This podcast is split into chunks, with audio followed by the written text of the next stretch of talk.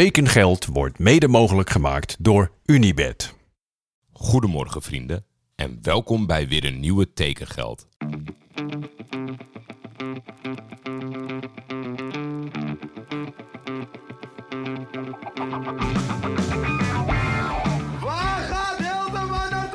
Kan u mededelen dat er overeenstemming is bereikt met Johan Cruijff bij Feyenoord. Navarone voor. Vandaag in andere kleuren, hè?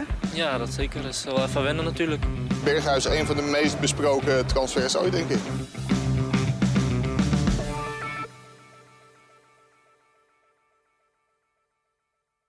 Nou, moest ik eerst excuses maken voor de vertraging van gisteren, moet ik het nu weer doen voor de kwaliteit die ik heb geleverd.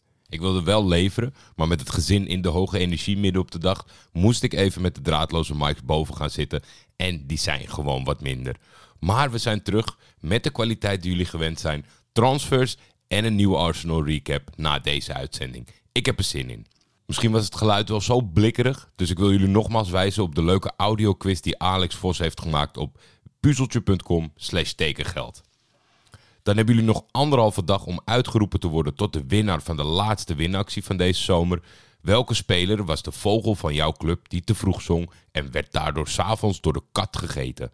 Welk megatalent of favoriete speler van jou vertrok te vroeg naar een andere club en kwam nooit meer goed terecht? Je kan natuurlijk het schitterende tekengeld keer Bird Brewery B-pakket winnen. Geef jouw antwoord door via een privébericht op Instagram, Twitter of via een mailtje naar schietvogeltjemedia.gmail.com. Dan de transfers. Is het wel een dag als FC Utrecht geen middenvelder aantrekt? Ik denk het niet. De volgende in de oneindig lijkende rij is Eliano Reinders. Omdat Mike Feit, de PEC-supporter, in een drankovergoten kroeg PSV stond te kijken, lees ik zijn scoutingsverslag even voor jullie voor.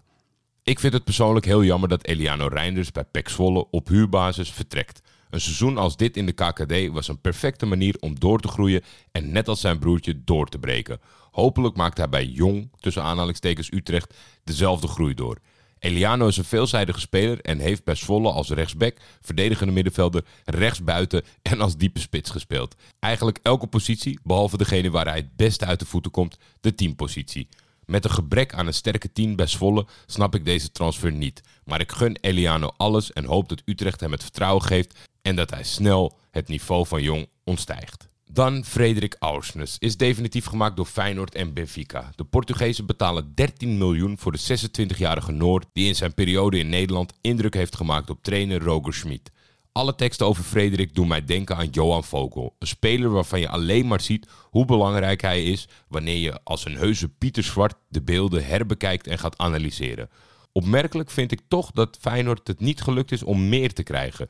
De interesse heeft weken geduurd, maar het bedrag is al die tijd vanaf het eerste moment eigenlijk dat de geruchten kwamen hetzelfde gebleven. Begrijp me niet verkeerd, het is een transfer zoals je wil dat een transfer uitpakt. Voor een appel en een ei kopen en dan een mooie winst noteren. Maar blijkbaar heeft Benfica gelijk het achterste van hun tong laten zien. En dat zie je niet zo vaak. Hoewel de nieuwe aanwinsten voor het middenveld van Feyenoord sexier zijn voor ons als liefhebbers, vraag ik het me af of ze hem gaan doen vergeten. Adrian Fijn is speler van Excelsior en er zijn veel vragen die mij niet gelukt zijn, ondanks diverse pogingen op Twitter bij Duitse experts, beantwoord te krijgen. Fijn ging afgelopen seizoen op huurbasis aan het begin van het seizoen naar Greuther speelde daar amper potjes, ik geloof drie, en keerde in de winter terug bij Bayern.